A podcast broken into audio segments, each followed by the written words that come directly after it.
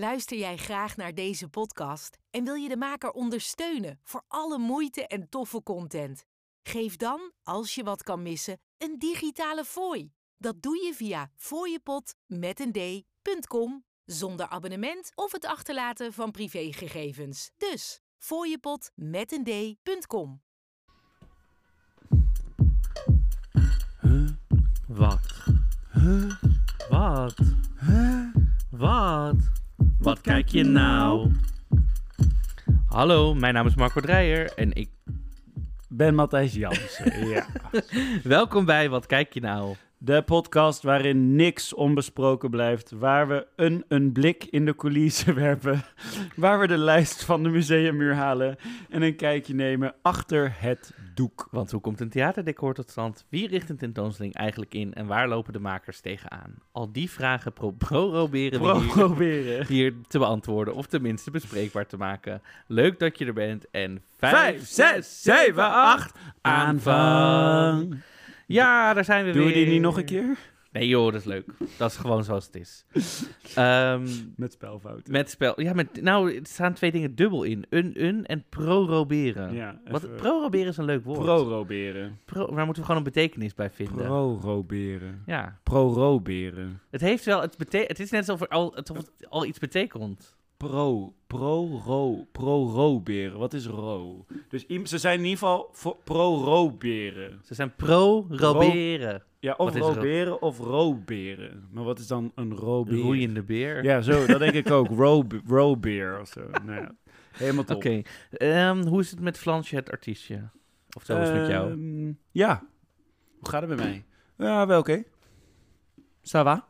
Cesa, dat is het leven. Dat is ook wel eens een keer fijn dat het gewoon zo gaat zoals het gaat. Ja, zeg maar. Ik bedoel, er gebeurt natuurlijk van alles. En ik maak me druk als een motherfucker. Maar ehm, nou, ik heb vandaag eh, fucking eh, irritant gezegd bij eh klasgroep 3.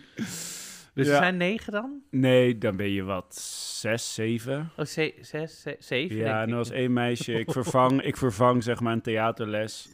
En nou ja, dat meisje die, die wil eigenlijk heel graag die andere docent terug hebben. En eh, nou, die maakt me gewoon het leven zuur. En op een gegeven moment zei ik gewoon... Oh, doe je zo fucking irritant. Dacht ik... Dus ik heb wel generaal pardon gemaakt aan die hele klas. En iedereen heeft me vergeven. Alleen dat meisje natuurlijk niet. En die ging het ook meteen tegen de juf zeggen.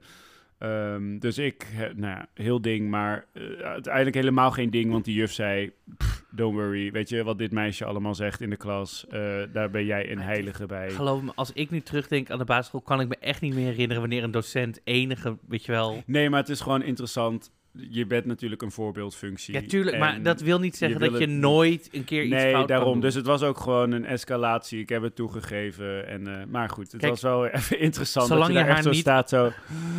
Zolang je haar niet aan de haren door dat klaslokaal Nee, hebt gesleept, niet. weet je wel... Nee, maar het was gewoon even dat ik denk, oh ja, dat kan je dus niet zeggen. Nou ja, goed.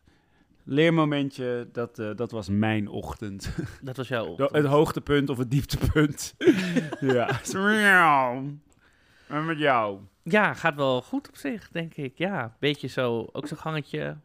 Beetje mooie dingen in het verschiet wel. Met, eh, bezig met Oerel op de achtergrond. Wel Mhm. weer binnenkort een meeting over. En eh, ik had het natuurlijk al een soort van soft in mijn interview met Jinek erover gehad. Maar dat, we gaan met de cultuurvlog een camping hosten. Dus, eh, of een, een, een, een hoekje van een camping ergens, Ja. of een veldje of een ergens. Maar ik heb daar heel veel zin in om dat te gaan doen. En ik hoop ook dat er heel veel mensen... Nou ja, trouwens, ik zeg heel veel mensen, maar we, we doen het met een klein groepje. Maar dat er Ja. mensen meegaan. Ja. Ehm, maar daar heb ik gewoon heel veel zin in. En eh, ik ga natuurlijk ook met het Delft Fringe Festival een rondleiding geven. Dus daar ben ik me ook een beetje op aan het voorbereiden van... Wat wil ik nou gaan doen? Wat wordt mijn selectie? Welke voorstelling wil ik aan mensen laten zien? Dus Ja. Ik hoop gewoon dat dat, eh, dat soort dingetjes allemaal... eh, Gaan lopen. Gaan en lopen. hopelijk heb jij binnenkort ook weer een huis. Ja, ik vind mijn ouders heel lief en heel aardig. Maar met mensen in een huis wonen is wel echt... Mijn Ja, vader is een soort... hè? Mijn vader heeft een soort bibliotheek thuis met allemaal... Hij is volgens mij moet hij nog 166 series kijken of zo. Die staan op zijn to-do-lijst en nog 4000 films. En elke dag wordt hij wakker. En dan ook als ik 's ochtends aan het douchen ben, dan zit hij al om 8 uur. En dan gaat hij dus de films downloaden die hij die dag moet zien.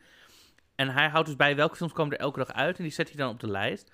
Omdat hij van bepaalde genres wil hij alles zien. Horror. Horror, thriller, zeg maar, allemaal dit. Dus laatst zat ik ook bij ons aan de keukentafel. Want ik heb dan wel een bed op zolder, maar verder... Dus dat is niet echt iets waar ik ben. Dus dan zit ik met mijn laptop aan de eettafel. En dan zit hij de film Elves te kijken.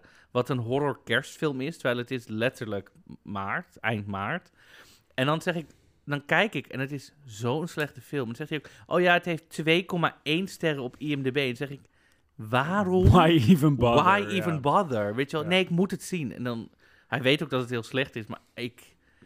Oh, Dus man. ik... Ik ben zoveel kritischer op mijn netvlies, wat er op mijn netvlies Nee, maar komt. ik ook. Ik heb daar... Maar het is, ik zit er te kijken en het is zo'n soort... Het is niet eens een B-film. Het Nee, is nee, eens- ja, het het is een R-film ja. of zo. Het is Gewoon zo iets wat niet eens in het alfabet zit. Nee, alsof ze iemand van straat hebben geplukt en zegt... Jij speelt nu een hoofdrol in een Ja. film. Mensen die niet kunnen acteren. En echt dat je denkt...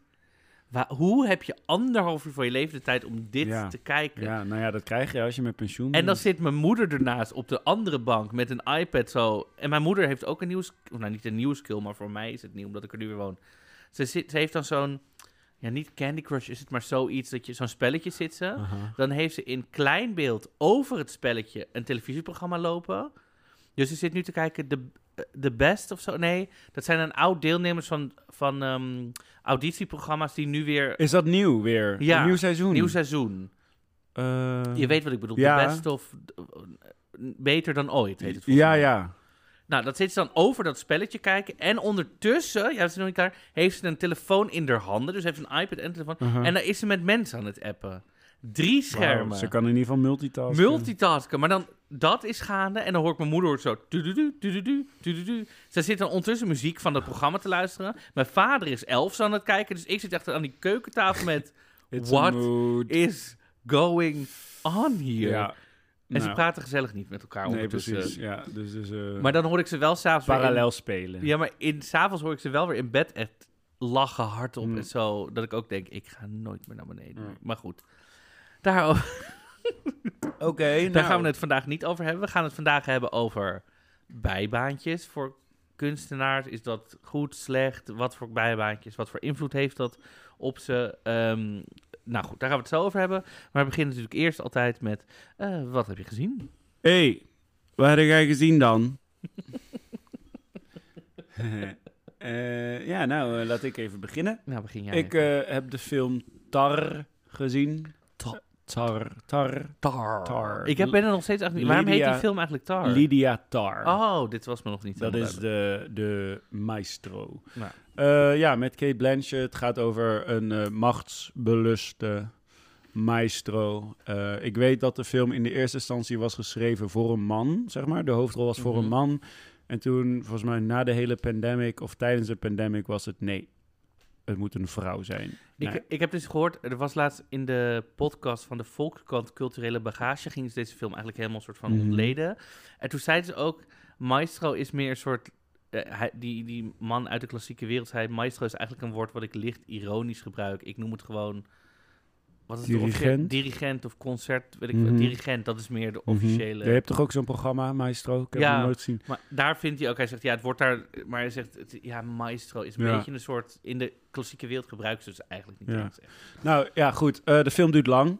Eh, Drie uur echt, zo, tweeënhalf. Ja. Echt lang. Eh, ik was naar de movies, want die is weer open. En ik heb sinds kort een Cineville pas. So I'm living life. Ik zag Ehm, dat Barbarella daar binnenkort draaide.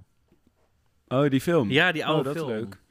Nou goed, ehm, wat lastig is, vind ik, is dat, ik bedoel, eh Kate Blanchett speelt fantastisch. Alleen het eh, resoneerde gewoon niet echt met mij of zo. En ik vond haar ook gewoon niet leuk. En dan wordt 2,5 uur heel lang. Wat ik wel echt waanzinnig vond, was de cinematografie. Dat is eh, aan de hand van, of van de hand van, even kijken, Florian Hofmeister. Echt ieder plaatje is waanzinnig. En in het begin zijn er ook hele lange one-takers. Mhm. I love that shit. I live for it and I want it more. En ik vind het wel jammer dat op een gegeven moment in de montage de edit steeds sneller ging. Wat ik ook heel tof vind is dat de muziek eigenlijk heel erg... Er zit een soort soundscape onder, maar eigenlijk is er heel veel stilte. En wordt alleen muziek als een soort effect gebruikt en bouwt het zich naar de rand wel op. Ehm, en ik ging heel goed op het eindnummer. Dat is een soort dubstep nummer. Barbican heet het. Ehm, nou ja, dat. En... ehm, Maar is het, is het idee van deze film niet dat zij ook niet likable is? Tuurlijk. Alleen het wordt dan gewoon wel heel lastig als je dat eigenlijk al vrij snel weet. Of zo. Dat je denkt, uh, because you're not rooting for her. Weet je wel, er zit, in dat opzicht zit er niet iets in. Je kan het ergens wel begrijpen, maar ergens denk je ook... Ja, je moet eigenlijk gewoon neergehaald worden. Weet je wel? En wat ik heel tof vind in de film is dat niet alles van, van A tot Z wordt uitgespeeld. Het zijn wat vlagen en dan is er, er gebeurt er iets en dan zie je een volgend moment en dan kan je daar wel uithalen wat er in dat vorige moment is gebeurd of zo. En dat vond ik wel heel verfrissend en fijn. Wat ook hilarisch is, ze beginnen met de aftiteling. Echt? Ja. En, je, en het is zo interessant om te zien hoe een zaal daarop reageert. Mhm. Want eerst is het zo, uh-huh, mhm. en dan krijg je toch een beetje zo, Ja, dat je nou- waarschijnlijk nou- ook denkt dat ze de hebben ze- film... ja, ja. hebben ze de film nou verkeerd omgedaan? Zeg maar, wacht even, is dit niet meer digitaal? Is dit gewoon een normale... Ik zat ook wel zo dat ik dacht, ja, dit kan bijna niet, dit kan bijna niet eh, to- toeval zijn of zo. Ik dacht, dit moet bij... Maar echt gewoon de hele aftiteling zo. Ja. En, eh, en dat mensen, ja, moeten we nog wat zeggen? Weet je wel, best wel Ja, veel Mensen gaan rumoer. natuurlijk ook appen. Ja, zo van, oké, nou, interessant. En toen begon dan de film. En ik dacht ook nog, oh, als nu dadelijk die persoon achteruit loopt of zo, dan is het fout. Maar dat was niet zo.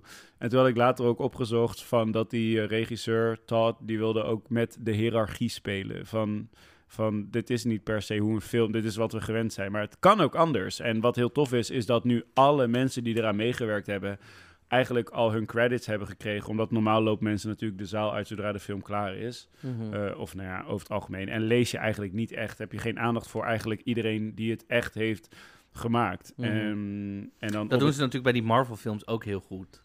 ja. Dan heb je dan moet de- je daar nog wachten. heb je nog die clipjes die in ieder geval de fans echt of die het weten blijven. Ja. De meeste mensen blijven wel zitten, dus Ja. dan Maar ja, het is, je vraagt ook wel wat van mensen, hè? Om, want de helft van de functies zegt je niks. nee. Weet je wel? Allemaal assistenten, allemaal dit, allemaal zus. Je hebt geen idee wat er allemaal bij komt kijken bij zo'n film. nee. Maar wat doet een cinematograaf dan? Die maakt het beeld. Dus de DOP, dus de Director of Photography. Mhm. Dus die, die verzint letterlijk gewoon, de, eh, samen met de regisseur, die verzint de angles.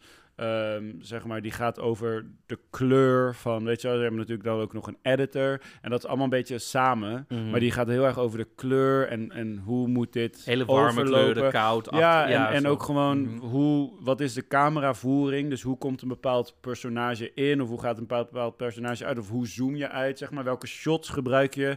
Welke, eh, welke, eh, hoe heet dat? Welke, welke, Zie je nou, hoe heet dat nou? Welke, camera, geluid, ja, angles, camera, maar dan de, hoeken. ja, de hoek, zeg maar, lens. Welke lens je gebruikt. En dat is zo, er zitten zoveel zulke vette beelden in met een groothoeklens, dat je iedereen gewoon ziet zitten en zo. En een klein beetje vertekend. En soms zie je zo die hele concertzaal, maar dat is dan op zo'n vette manier gewoon en uitgelicht en, en eh, in beeld gebracht. Dat je denkt, ja man, voor, die, voor dat moet je echt naar die film gaan. Het is echt, ieder frame is echt een kunstwerk.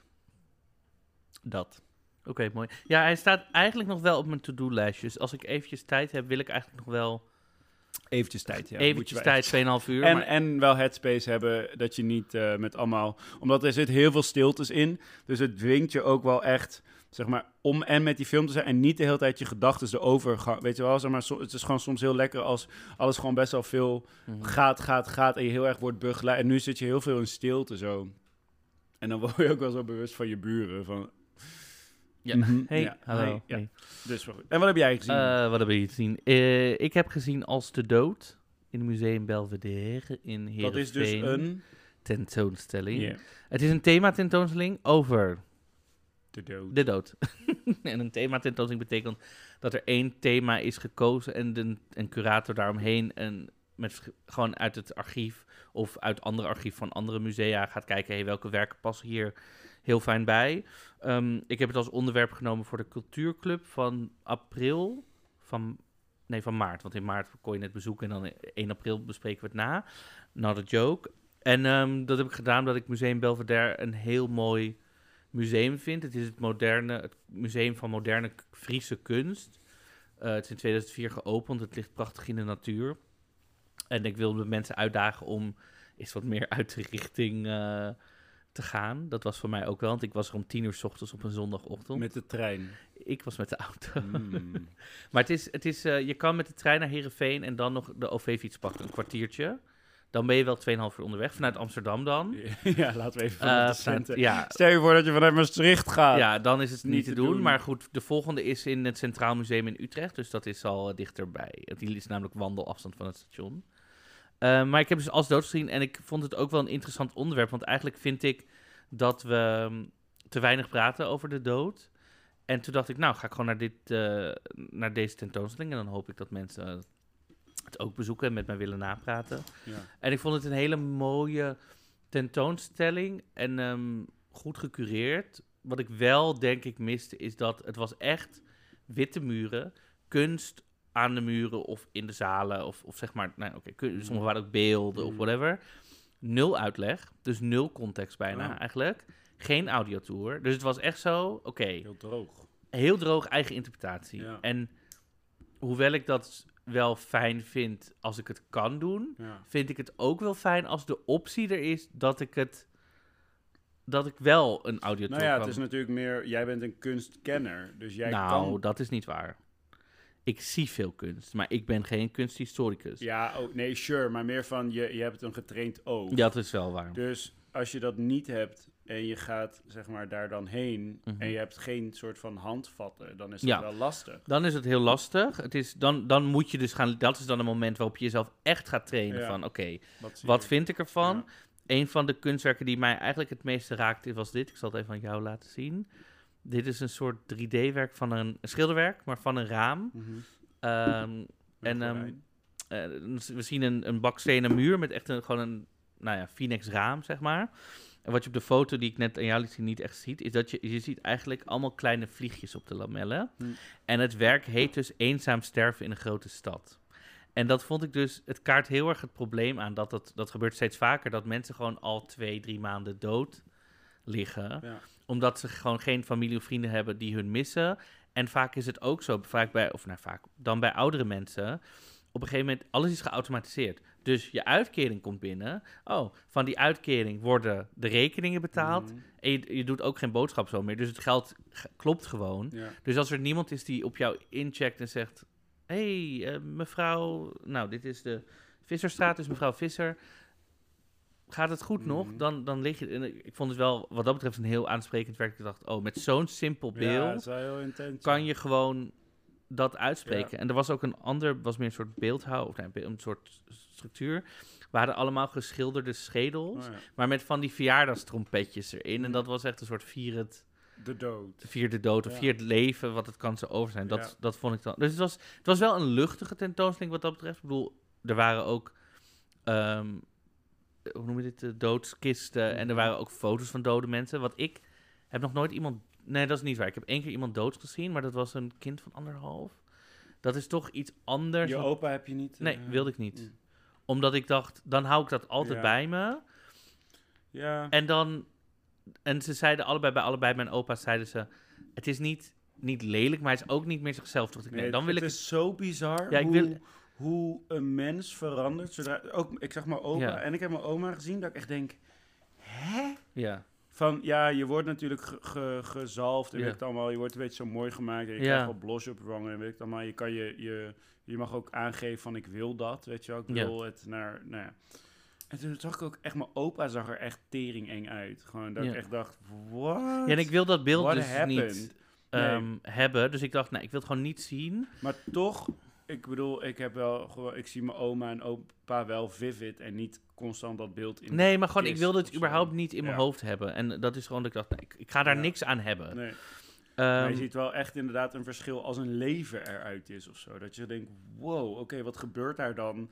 Of ja, niet meer, of is dat dan toch de ziel of zo? Weet Ja. ik vind het ook wel fascinerend zo van, heeft de ziel gewicht? Ja. Want ze hebben dan wel eens gezegd van, het is zoveel gram wat er dan uitgaat of Mhm. zo. Dat ik denk, oh ja, is er überhaupt een ziel? Nou ja, kan je, uiteindelijk kan je er natuurlijk weer over speculeren. Ehm, maar, oké. En, wat, en nog één ding wil ik zeggen, want ik wilde het ook doen omdat ik volg groetjes van Dirk op Instagram. En die doet momenteel een opleiding tot uitvaartbegeleider. Mm. En die deelt heel veel van wat er gebeurt, wat er mogelijk is. En ik had altijd een beetje mijn wensen, wat ik wilde als ik dood was, gebaseerd op wat ik wist. Ja. Dat ik dacht, oh, ik wil dit of dit. Ja. En nu ik hem er heel erg over hoor praten en ook wat er allemaal mogelijk is, denk ik, oh, ik wil heel wat anders. Mm. Of ik, nou niet heel wat anders, maar weet je wel, ik... Wat zie je nu voor je dan? Nee, maar bijvoorbeeld er zijn ook... eh, ik wilde eh, waarschijnlijk gecremeerd worden, maar nu weet ik dat er ook natuurbegraafplaatsen zijn.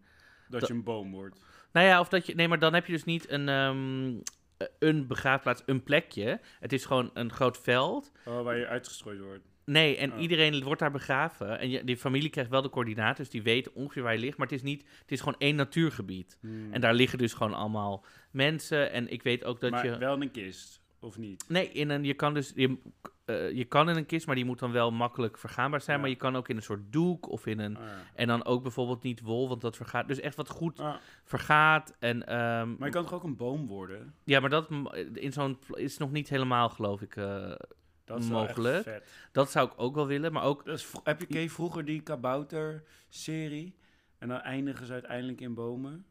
Kabouters. ja. zeggen- Oh, wacht, dit weet ik wel. Ik, eh, ja, nou goed. Ja, dat was. En- ik weet nog dat ik vond het zo prachtig. Ik leerde dus ook dat je dus niet. In Nederland mag je niet, hoe noem je het, gebalsemd worden of zo. Dus dat je helemaal Oh, goed blijft. Oh, zo. Je mag wel, dat mag alleen de koninklijke familie, Hmm. om de een of andere reden. Ehm, weet ik niet eigenlijk. En, maar je mag wel ehm, semi-gebalsemd worden. Dan blijf je tien dagen goed. Dan Maar halen, dat gebeurt volgens maar mij. dan toch halen ze dus het bloed uit je lichaam en dan spuiten ze een bepaald goedje erin en dan blijft je lichaam Ja. dus... Ja, Maar dat is volgens mij wel wat, wat, wat ik bedoel met dat. Dat is een soort van... ja. Dat je gewoon opgevuld en Ja, niet nou inzakt ja, en zo. I don't know, ik weet niet. Ik denk dat het gewoon lastig is om iets wat dood is levend te houden. Maar goed, het was dus het een... eh, opvult en ja. ja. Ja, opzet. maar goed, het is eh, een- wel een, een... Als je die, het onderwerpje ligt, denk ik, Ja. eh, een interessante Nou tentoonstelling. ja, het is natuurlijk ook zo, ja, ligt het je niet. Ja, het is ook, het is natuurlijk één zekerheid dat we allemaal sterven. Ja, je En- moet het er zo eens een keer over hebben met Ja. mensen. En ik bedoel, er is ook nog een tentoonstelling aan de... in- Het bestaat uit twee vleugels, het museum, over acht moderne Friese kunstenaars. Mm, Dus als je denkt, ik wil eens een keer wat nieuws proberen, misschien Museum Vooral Belvedere. wit dan, toch? Fries. Als in, zijn witte kunstenaars. Ja, het zijn Toch witte kunstenaars. Ik vroeg ook aan het museum, want de acht Friese kunstenaars heten Jan, Gerrit, eh, Tom, te- weet ik veel. Toen had ik ook gevraagd aan het museum, was er geen vrouwelijke kunstenaar beschikbaar? En toen hebben ze ook antwoord gegeven. Ik kan het wel even voorlezen trouwens. Ik heb gewoon ehm, van de directeur zelf antwoord gegeven.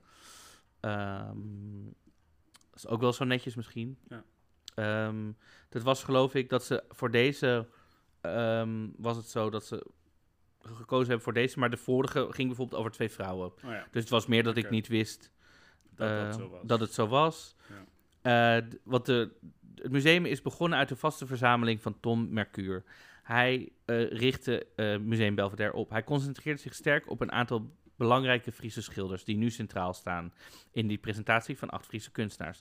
De presentatie is zeker te zien als een afspiegeling van de tijdgeest. De tijden zijn inmiddels veranderd en, worden en er worden veelvuldig vrouwelijke kunstenaars aan de vaste collectie toegevoegd. In onze laatste collectiepresentatie, we wisselen drie tot vier keer per jaar, waren vooral vrouwelijke kunstenaars vertegenwoordigd. Daarmee betrof de eerste aankoop van het jaar een groot schilderij van Romee van Oers, een jonge vrouwelijke kunstenaar. Haar werk komt in het najaar te hangen. Dus ze doen wel alleen. Maar ik vond het super ja, netjes dat fijn. ik in mijn er- Insta-stories. Want ze- ik had helemaal niet een samenwerking met hun. Nee, ik was daar gewoon. En dat ze het zeiden. En ze zeiden: Oh, hier is een reactie van de, van de inhoudelijk directeur. Nou, Ja. vind Ja, ik super netjes. Dat je in ieder geval erover eh, communiceert. Ja, is dat al- was letterlijk het enige wat ik eigenlijk vroeg. Van. Het was oprecht een vraag. Was het niet? Oh, het gebeurt wel. Ja. Fine. Dus, ehm, en weet je, naarmate er meer mensen van kleur in Friesland gaan wonen en daar kunst gaan maken. Ik denk niet dat het een museum is wat niet Daarin mee wil. daarin mee wil. Maar ja, ze moeten dan daar wel wonen. Dus Ja. het is meer een punt Nou van ja, en dat is natuurlijk ook inderdaad... diversiteit in Friesland. Dat is dan het eh, punt. Ja. Ja, en ik had nog één ding ja, je mag over Tar. Tar is, vind ik, niet per se een hele toegankelijke film. Het is vrij mhm. ingewikkeld, zeg maar. Heel veel jargon en dingen. Ja, het is, wel, het is wel echt heel veel moeilijke termen en zo. Mhm. Dat ik dacht, mm, oké. nou ja. Je moet je Dus, er echt eh, even toe zetten. Ja, je moet, het is niet even, daar ga je even naartoe. Nee. Dat ik wel dacht, nou, had dit makkelijker gekund? Ja, weet ik niet. Goed, beetje, Oké. beetje pretentieus in. Dat hebben we gezien. Ja. Eh, we gaan het vandaag hebben over bijbaantjes. Bijbaantjes van kunstenaars. Want. De aanleiding was een stuk in het Amsterdam... Zei ik nou Parool? Was het Parool of was het de NRC? Nou, ik best twijfelen. Volgens mij... sorry. Ik heb het je gelukkig gestuurd. Het was het Parool. Was het Eh, dit stuk kwam van Lorianne van Gelder, dit journalist van het Parool. En het heette Kunstenaars moeten sappelen in duur Amsterdam. Ik heb het zo ingericht dat ik net kan overleven. En het gaat eigenlijk over dat heel veel kunstenaars dus allemaal bijbanen moeten nemen om maar rond te komen, omdat het rondkomen van hun kunstwerk, eh, makerschap, choreograaf, fotograaf, wat dan ook, lukt niet. En ehm, dit is het parool, dus dit ging vooral in Amsterdam. Maar ik denk echt wel dat we het ook landelijk kunnen trekken, want ik hoor die En verhalen internationaal, overal. zeker in Amerika, is echt, eh, weet Nou. je, is het nog veel erger. Jij bent Flansje de kunstenaar. Ja. Woe. Eh, hoeveel bijbaantjes? Heb, heb jij bijbaantjes? Ja, heb ik bijbaantjes? Vraag ik nu alsof ik dat niet weet. Ja, zijn er bijbaantjes? Het begint natuurlijk als... Kijk, toen ik van mijn hbo afstudeerde... Ja, laten we dat even. Jij hebt een HBO-opleiding. Ja, dans eh, gedaan, zeg Ja. maar, jazz musical dans. En En het is een, voor de mensen, het, het is gewoon een volledige HBO-opleiding. Snap je? Het, vier jaar beuken, bikkelen. Ja. eh, het is waarschijnlijk nog zwaarder dan een gewone opleiding.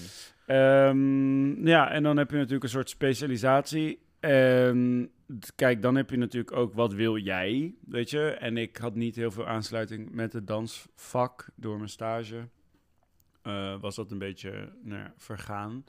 En toen ben ik wel echt inderdaad van, oké, wat, ga, wat ga ik doen? En toen ben ik wel, dat ik veel, ik deed hostwerk en wat modellenwerk. En op een gegeven moment ging ik in een club werken, weet je wel. En eh, toen weer in een sportschool. Dus ja, dat waren dan bijbaantjes. En dan probeerde je dat te doen, zodat je in ieder geval rond kon komen. En dat als er dan een klus was of zo, dat je op casting kon komen, dat je in ieder geval beschikbaar was. Want dat is natuurlijk heel erg dat jij eigenlijk een flexibel bijbaantje wil, zodat wat jij echt wil, dat je dat ook kan doen. En dat dat niet wordt ehm, afgeremd door eigenlijk een soort van secundair bijbaantje. Ik heb heel lang in Ziggo Dome gewerkt, eh, in Tuzinski. Weet je, allemaal dat soort dingetjes. Eh, om, om eigenlijk maar overdag ook beschikbaar te zijn en eh, ja, je, je te kunnen ontwikkelen in het vak. Alleen, wat natuurlijk een beetje het probleem is, is dat op een gegeven moment ben jij vooral je bijbaantje. Ja. Weet je, word je of heel goed in je bijbaantje, of eh, ga je, kom je gewoon niet rond en ga je heel veel werken, weet je Mhm. wel? Want je hebt ook niks meer per se om naar uit te kijken, omdat je dan heel veel werkt. Ga, ging in mijn eh, beleving mijn creativiteit dood. Mhm. Waardoor het ook echt zo was, ja, weet ik veel. Ja, boeien, ja, het zal wel, Ja. weet je wel. Waardoor je ook denkt, nou ja, ik kom ook niet meer ertussen. Mhm. Alle audities die je deed, was je niet goed genoeg voor. Je had ook niet per se tijd om dan nog lessen te gaan volgen en zo. Dus dan En geld waarschijnlijk, dat kost ook weer geld. alles. Dus, dus het is een soort oneindige Loop eh, van- ja, van, van proberen, maar niet echt, weet je wel. En daardoor kan je je focus missen. Daardoor kan je ook voelen dat je niet meer welkom bent in het werkveld, weet je wel. Daardoor ga je, creëer je Ook- jaloezie. Maar ook omdat het werkveld dan weer denkt... oh, we zien Matthijs al twee maanden niet Ja, aan het werk. ja. Is hij nog wel beschikbaar? zo? Dus er is nou ja, maar daar vraagt ze niet. Dat je wordt gewoon vergeten. ja, precies. Zeg maar, er is, als jij niet constant aan de bel trekt van hé, hey, ik ben er, ik ben er, ik ben er, word je vergeten. Weet je, je moet daar heel erg een balans in vinden met niet soort van te needy zijn, maar ook niet te nonchalant. Want je wordt, weet je, als ze denken, als jij geen, eh, nou ja, Nepo-baby bent, weet je wel, een achternaam hebt, een bepaalde naam al hebt gemaakt, dan word je gewoon vergeten. Je bent gewoon niet relevant en dan moet je de hele tijd jezelf aanbieden. Nou, dat kost heel veel energie. Ehm, en als jij dan denkt, ja, maar ik heb in ieder geval nu zekerheid met whatever ik aan het doen ben, dan raakt je passie eigenlijk heel snel op de achtergrond, weet je wel. Dus je moet echt wel sterk in je schoenen staan om de hele tijd te denken, nee, dit is wat ik wil doen, dit is wat ik wil doen. In mijn geval eh, ging ik toen barlessen geven. En dat is een combinatie van yoga, pilates en ballet. En dat wordt dan in één keer een soort van mijn bijbaantje. Alleen zie ik dat dan niet meer per se als bijbaantje, maar ook iets wat ik gewoon heel leuk vind om te doen. Dus ja, is het om mijn geld mee te verdienen? Zeker. Alleen het is ja, het neemt niet zo heel veel plek in of zo. En ik vind het heel leuk om me daarin te ontplooien, bleek later. Ik had nooit gedacht überhaupt dat ik docent zou worden. Dus ergens kan je ook denken, doordat het je niet makkelijk wordt gemaakt, ga je ook, gaat je wereld wordt groter. En je gaat je denken, oh, maar misschien kan ik dit ook wel. En misschien kan ik dit ook wel. Je hebt natuurlijk ook nog de saying van those who can't teach. Weet je wel? Mhm. Nu ben ik het daar absoluut niet mee eens. Alleen er is gewoon heel weinig ruimte eigenlijk voor het Maar- aanbod aan mensen wat er is. Ja. Ik vind wel... eh, sowieso is doseren een heel ander vak. Ja. Los nog van iets maken. Want dat zijn gewoon twee hele andere dingen. Daarom hebben we ook opleidingen tot docenten Ja. en opleidingen tot makers. Ja. Zeg maar. Eh, waaronder trouwens, als jij danser wil worden, hoef je niet per se een maker te zijn ook. Want je, je kan ook zeggen, ik kan gewoon heel goed dansen, bewegen, wat dan ook. Ja. Andere mensen zijn meer de makers. Gebruik mijn lichaam, zo zeg maar, om jouw ding vorm te geven. En dan doe ik. Dus daar zit natuurlijk heel veel eh, speelveld in. Ja. Wat natuurlijk ook belangrijk is om te zeggen, wat heel veel mensen misschien niet snappen, is dat heel veel kunstenaars, makers, creatieve mensen tijd en ruimte nodig hebben, soms om. Nou, niet, ni- niks te doen is niet het goede woord, maar om ruimte te hebben om na te denken. Gewoon dingen mee te maken, te beleven. Gewoon te schrijven. Gewoon om niet om per se iets te productiefs te produceren, maar om. Ja, en, en dat je ook dus echt bezig bent met je passie. Kijk, we hebben, je hebt natuurlijk gewoon de mensen die, dat zijn, weet je wel, hoofdmensen. Je hebt hartmensen. Je hebt ook mensen die daartussenin zitten. Alleen het is heel makkelijk voor een hoofdmens tegen een hartmens te zeggen... Dan ga je toch lekker dit en dit doen? Oh, maar waarom ga je dan niet zo en zo doen? Maar dit is toch ook leuk? Terwijl als iemand zo gepassioneerd is over iets... dan is dat eigenlijk best wel een belediging. Mhm. Weet je wel, van dan ga je toch dit en dit doen? Van, maar het lukt je toch niet? Weet je wel? En ja, het is niet voor iedereen weggelegd. En je moet echt, echt heel veel doorzettingsvermogen hebben... en een hele lange adem... eh, om ergens te komen, zeg maar. Je moet heel veel van jezelf geven. Je moet heel veel geduld hebben. Je moet heel strategisch te werk gaan. Je moet ook denken, oké... nou ja, dat betekent dan ook dat ik bedoel... hoe vaak ga ik op vakantie? Nooit. Weet je wel, zeg maar... de laatste keer dat ik vakantie had... eh, weet je, over het algemeen... Weet je, het is één keer in het jaar of zo. En voor de rest ben ik alleen maar bezig met overleven. Dan komt er natuurlijk ook nog bij dat ik totaal geen overzicht had. En is dat nu anders? Ehm, en zie ik nu meer ruimte, omdat ik ook weer meer gaan denken... ik moet gewoon meer werken. Ik moet meer werken om het leven te kunnen leiden wat ik wil leiden. In plaats van de hele tijd af te wachten van... oh ja, maar deze casting en dan zou ik dit en dit kunnen doen. En dan, oh, dan zou ik dit en dit kunnen krijgen. En dat je dan het geld al basically aan het berekenen... Dus dat je je rijk rekent, weet je wel. Ja. Ik ben nu echt gestopt met mijn rijk te rekenen... En heel realistisch te kijken, maar wat heb ik nu? Bijvoorbeeld, ik kan met mijn barles... kan ik tussen de 35 euro en 50 euro eh, verdienen. Normaal zou ik dan denken, oké, 50 euro, tadadada. weet je wel, gewoon het, het meest maximale. En nu denk ik, nee, nee, nee, bereken nu maar gewoon dat je 35 euro, dan kan het alleen maar meevallen in plaats van dat het tegenvalt, zeg Ja. maar.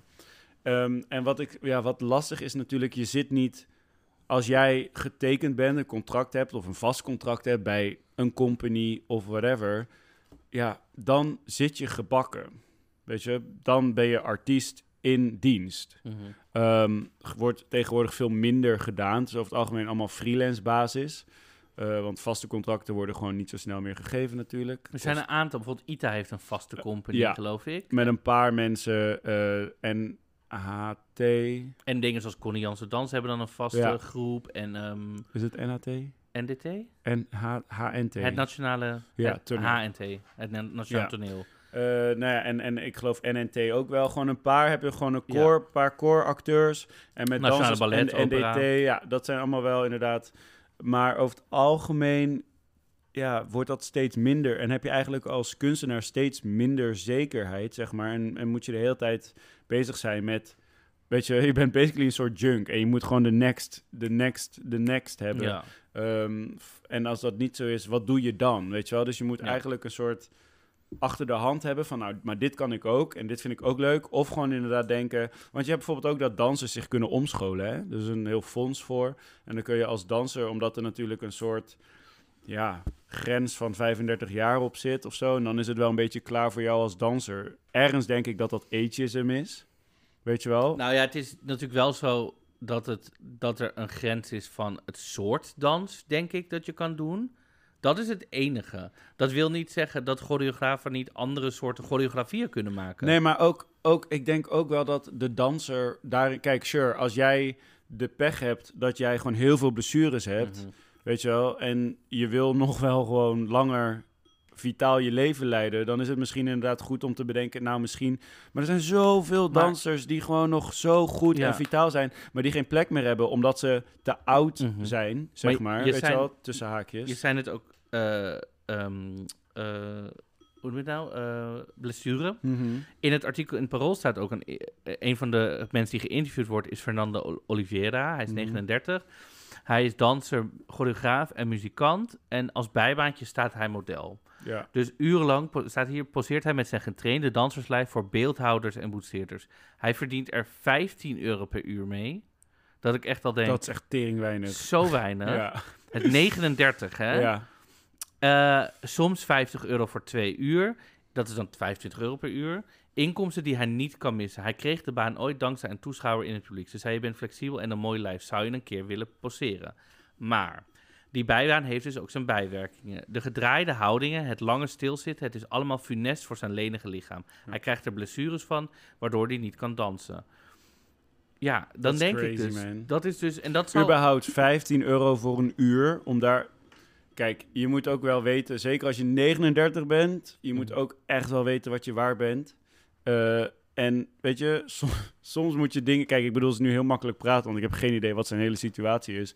Maar ik denk met wat hij dan kan en, en wat zijn... Weet je, dan zou hij echt wel veel hoger kunnen inzetten. Weet je, zeg maar... En als jij op een gegeven moment denkt, nou, dit werkt totaal niet voor mij... Kijk, in Nederland heb je natuurlijk altijd het geluk dat er uitkomsten zijn, zoals een uitkering en zo. Weet je, we hebben het shit in principe geregeld en we zijn nog steeds, ook al lijkt het misschien anders, een rijk land. Het Ja. is ontzettend verdeeld, maar er zijn wel dingen waar je naartoe kan gaan, zeg maar, als je het niet redt of zo, weet je wel. Mhm. Ehm, en dat is gewoon ja, strategisch. Alleen wij leren natuurlijk als kunstenaars totaal niet hoe je met geld moet omgaan.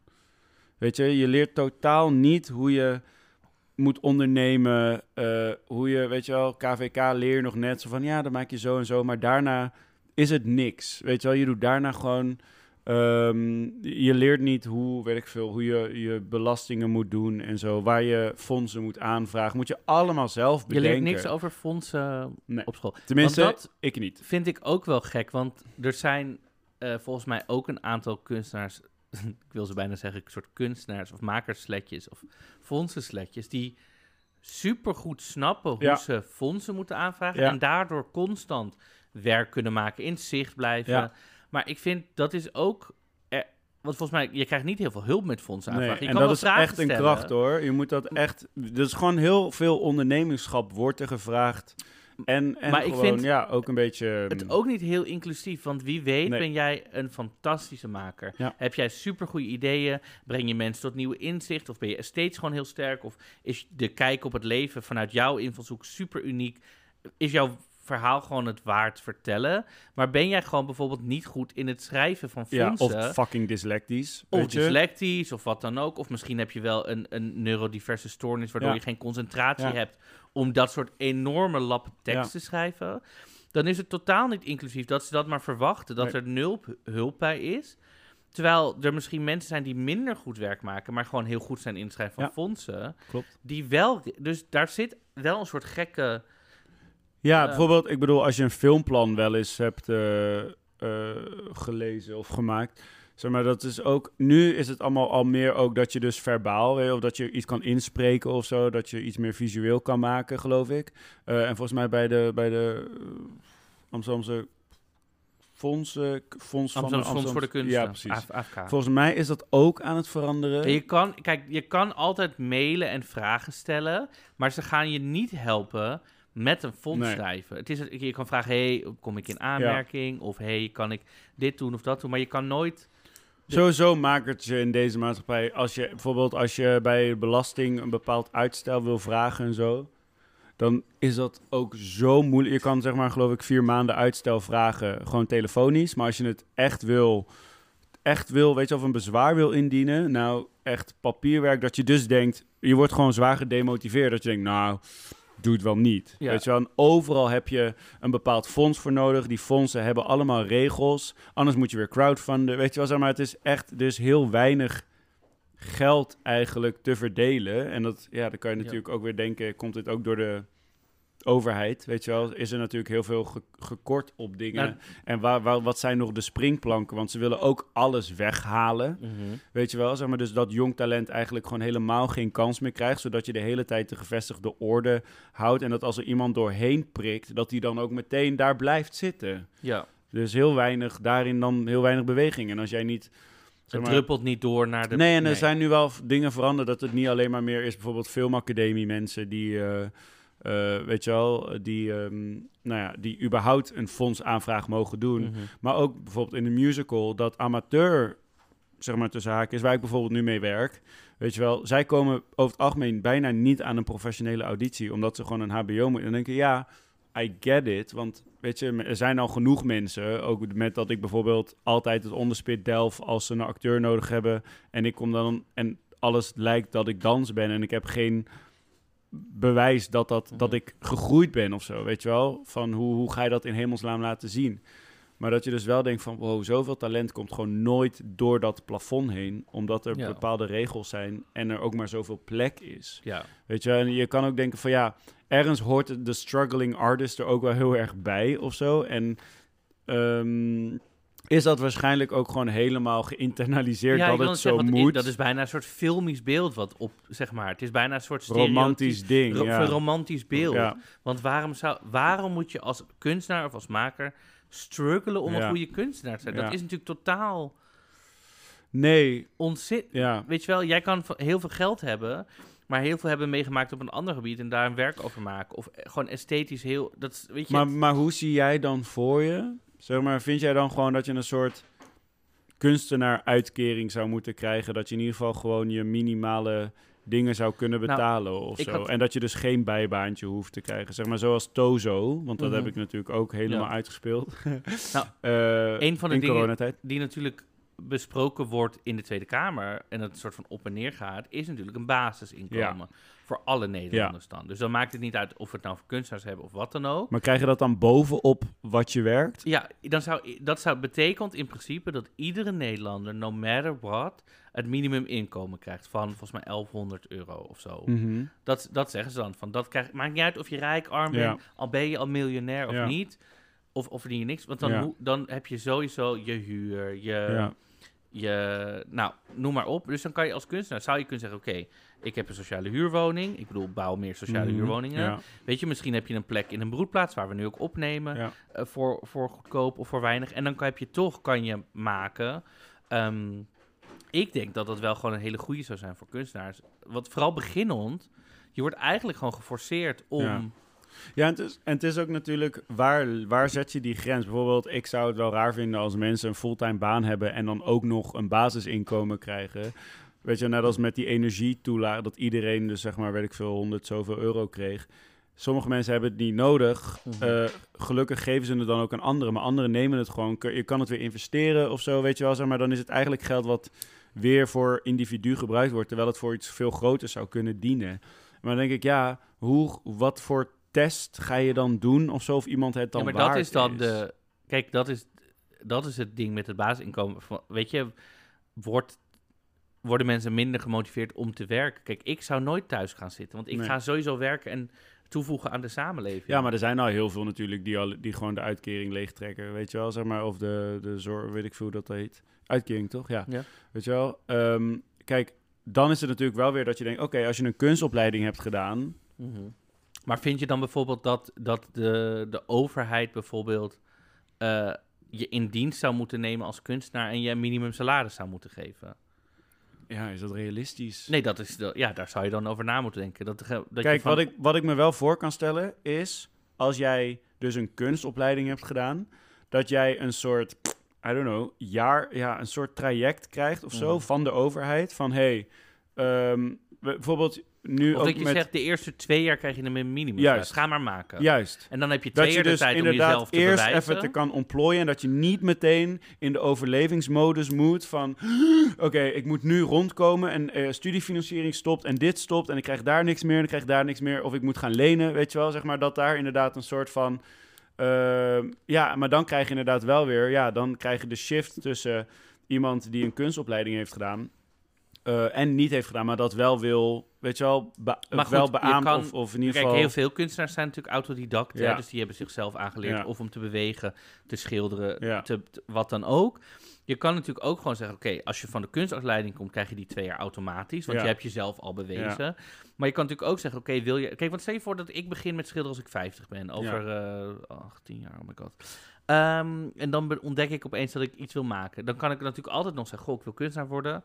Eh, weet je, ik vind het niet raar dat je dan in je vrije tijd dingen maakt. Dus dat je wel kan aantonen, dit maak ik nu. Ik zou daar twee jaar eventjes de Ja. tijd voor willen nemen. ja. En dat dan de overheid bijvoorbeeld zegt, oké, wij vinden het goed genoeg of, of het heeft potentieel genoeg. Maar daar, daar krijg je weer een mening en een selectieding. Ja, maar dat moet dan een soort onafhankelijke eh, autoriteit Ja. zijn die daar gewoon naar Nou kijkt. ja, ik denk wel dat er een soort, dus net als dat je een kleine ondernemingsregeling hebt en zo. Ja. Ik denk wel dat daar iets in zit, dat je, die, dat je die mensen eerst even laat wennen ook aan het werkveld, wat er allemaal van je verwacht wordt. En dat het niet meteen is van, oké, nu moet je het gaan doen. Kijk, en word jij meteen opgepikt nog als je op school zit of whatever, en je kan meteen rondkomen en Top. zo. Weet je, weet je, zorg gewoon dat daar heel overzichtelijk en weet je wel, dat dat, dat heel, ja, dat daar niet allemaal super ingewikkeld papierwerk, maar dat het gewoon is, nou, dit top, weet je wel, dan, en dat je dan ook gewoon zegt, oké, fijn, dan heb ik dit niet nodig. Mocht je dan later, nadat je dat, weet je wel, dat er in ieder geval een soort sociale controle is voor kunstenaars, zodat ze niet meteen moeten overleven of moeten denken, joh, ik zeg mijn passie vaarwel en ik ga wel een 9 tot 5 baan, want dat geeft me de zekerheid die ik nodig heb, weet Ja. je. En ik denk dat we Ja. heel erg de waarde van kunst en cultuur in de samenleving moeten verhogen. ja, die zijn we natuurlijk Want- verloren door alle bezuinigingen en überhaupt al op school. Maar ik word er ook moe van. Het moment dat het slecht gaat met, met de economie of whatever, is het eerste wat we dumpen kunst en cultuur. Ja. Alsof het een soort leuk hobbyprojectje is. Oh, het is niet belangrijk. Terwijl het heeft een... alles bestaat eruit. Alles wat je om Het je is heen zo ziet belangrijk van entertainmentwaarde is ook letterlijk kun muziek. Alles als je dat allemaal wegdenkt. Ja, voor mensen hun, hun, ehm, hun, gewoon hun welzijn, weet je wel. Gewoon schoonheid, inspiratie. Dit- Maar het komt denk ik ook door de opleidingen waar die mensen dan zitten. Dat daar alleen maar met cijfertjes en met woorden en dingen. En dat daar. Stel je voor dat er ook schilderles is voor economen of zo. Mhm. Of dat je, weet je wel, Mhm. dat het gewoon veel meer, ook eh, dat je, weet ik veel, muziek gaat maken. Of dat er dat soort blokken, creatieve blokken, zodat die mensen uit hun hoofd moeten. Ja. Weet je, ik denk dat dat, dat je dat zo erg al zou kunnen in, als dat op een hele chille manier zou worden doen. En dat die mensen ook de meerwaarde ervan zien. Dat je echt ziet, oh ja, dit is daadwerkelijk belangrijk. Maar omdat we allemaal gewoon, vooral beta-mensen daar hebben, die daar, weet je wel, die over het algemeen gewoon niet zoveel hebben daarmee. En dat ook dan al afdoen als is niet belangrijk, weet je wel. Mhm. En dat zij dan natuurlijk de spokesperson zijn voor veel mensen. En dat je kan natuurlijk ook, je hebt ook heel veel mensen die eerst heel erg in hun hoofd zitten en dan dus met hun handen gaan werken. En dan dus in één keer denken, oh maar ik wil eigenlijk dit of zo. Ja. Weet je wel, of f- nou, al die zangprogramma's waar dan mensen aan mee gaan doen, die eigenlijk iets anders ambiëren, weet je wel. En ik van ja, er, er moet inderdaad gewoon veel serieuzer gekeken worden naar wat is een kunstenaar, wat kan een kunstenaar, hoe, hoe geef je die kunstenaar ruimte. En als je die kunstenaar meteen in het keurslijf duwt van wat de maatschappij van je verwacht en eigenlijk niet eens de tijd krijgt om jezelf te ontplooien als kunstenaar. Bijvoorbeeld, ik ben pas op mijn 28ste of zo, na mijn ayahuasca-trip, ben ik gaan inzien, oh, daarom doe ik wat ik doe. Mhm. Ik kan niet anders. Waarom heb ik zo, want ik was ook zwaar depressief, waarom negeer ik al die impulsen en waarom ben ik alleen maar bezig met de prestatie en dat het goed is en waarom ben ik niet bezig met, oké, nou, als ik dit wil, moet ik bij nul beginnen en nul is, is over het algemeen niet origineel en niet interessant. Dus laat ik gewoon de gebaande paden gaan en dan weer vinden wat mijn eh, kunststem is en wat ik eigenlijk wil delen met de wereld. Maar als dat zo snel en dat zo, weet je wel, competitive wordt Mhm. en audities en afwijzing en ja, dan wordt dat zo'n lastig terrein om, om je in vol te houden. En nu heb ik me over het algemeen wel vastgebeten. Maar ben ik natuurlijk ook wel heel erg gaan groeien in... wat kan ik hier allemaal nog meer mee? Weet je wel? Ja. En voor mij werkt dit nu en vind ik het ook nog steeds leuk. Maar ik heb nog steeds wel mijn carrière in het, in het vizier van... oh, maar daar wil ik naartoe. En dit en dit en dit en dit en dit kan me er allemaal bij, bij helpen, zeg maar. En zo word ik meer bekwaam in dit. En ik kan nu bijvoorbeeld heel goed naar mensen kijken, weet je wel? Doordat ik ze les geef en... Dat kan ik misschien weer gaan gebruiken in eh, regisseren. Wat ik eerst ook niet dacht dat ik dat ooit zou gaan doen. En ik vind beeld maken heel leuk. Weet je wel, ik zeg niet dat ik ooit per se toneel wil maken of een hele voorstelling. Maar ik wil wel gewoon bezig zijn met creëren. Creëren is echt, I live for it, weet je. Mhm. Dus ehm, Ik denk, ik ja. bedoel, want kunst is ook een kunst eh, in de breedste zin van het woord, is ook nog een enorm privilege voor wie het zich kan veroorloven. Tuurlijk. Heel veel mensen gaan niet naar theater, gaan niet naar musea, gaan niet naar, nou, noem het maar op. Eh, Terwijl ik vind echt dat het veel toegankelijker moet worden. Er zijn heel veel kleine voorstellingen of kleine evenementen die toegankelijk zijn gemaakt. Of dan is het gesubsidieerd door de gemeente, dus dan is het wel gratis.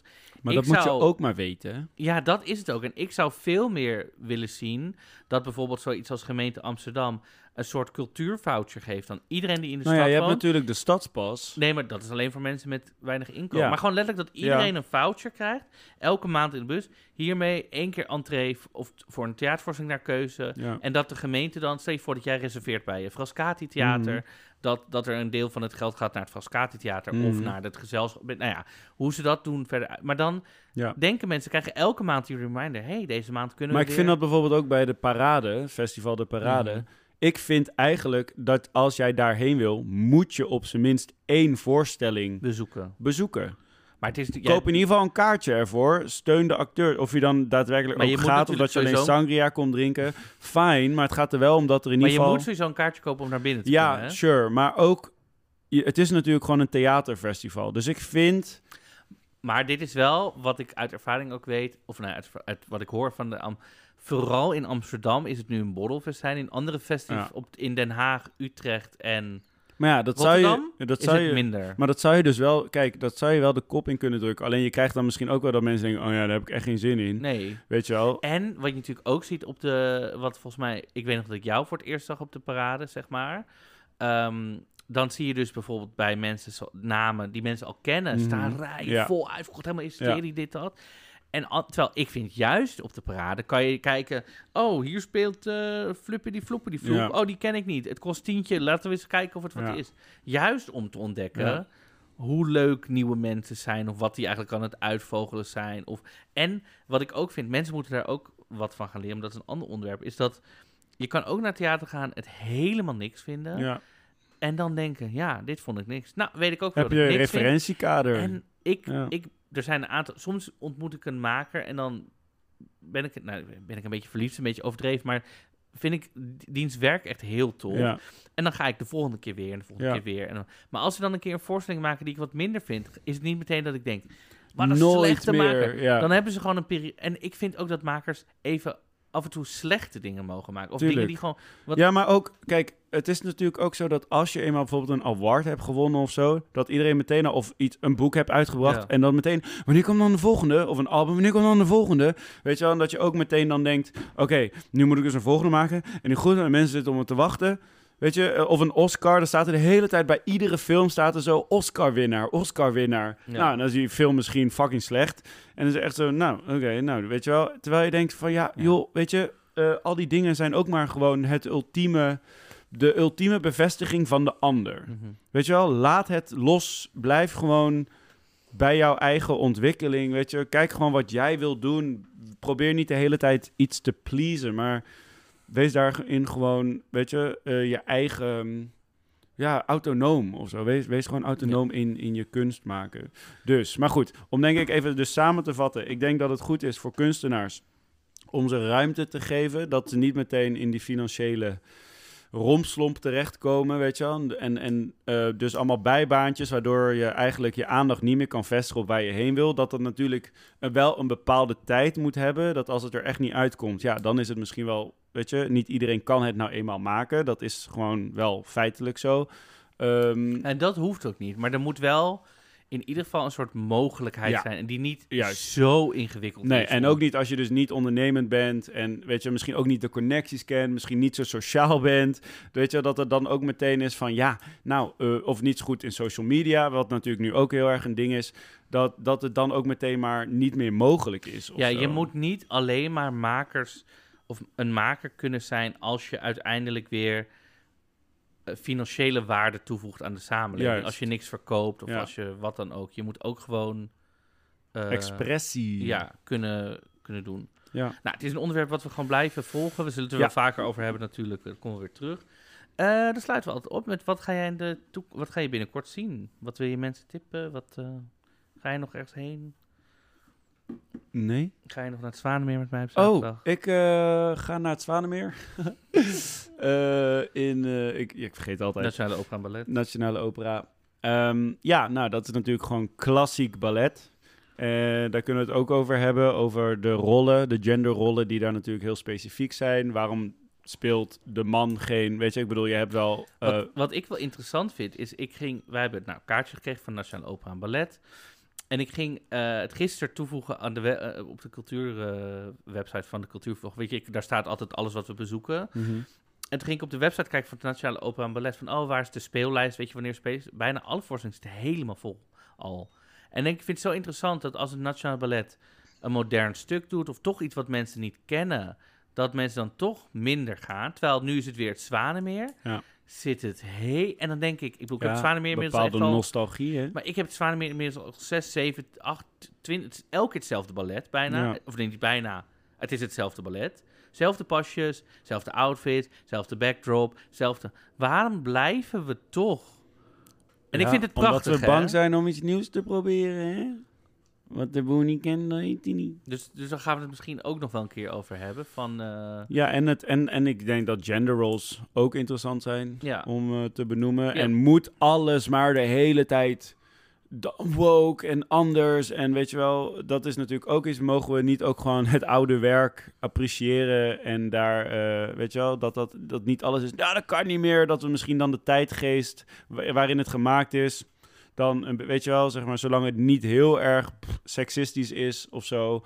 eh, en, en hateful, bij wijze van spreken. Mhm. Eh, dat dat dan ook oké moet zijn of zo. Ja. Maar het eerste wat ik zei, oh ja, dan gaan we weer lekker oudbollig ballet kijken. Terwijl ik denk, ja, weet je, ik bedoel, over de rechtlijnigheid van ballet vind ik dat daar ook heel veel over te, te zeggen valt. Maar ja, het is natuurlijk ook een bepaalde kunst en mensen die trainen zich helemaal suf om dat zo perfect mogelijk toch in het plaatje te passen.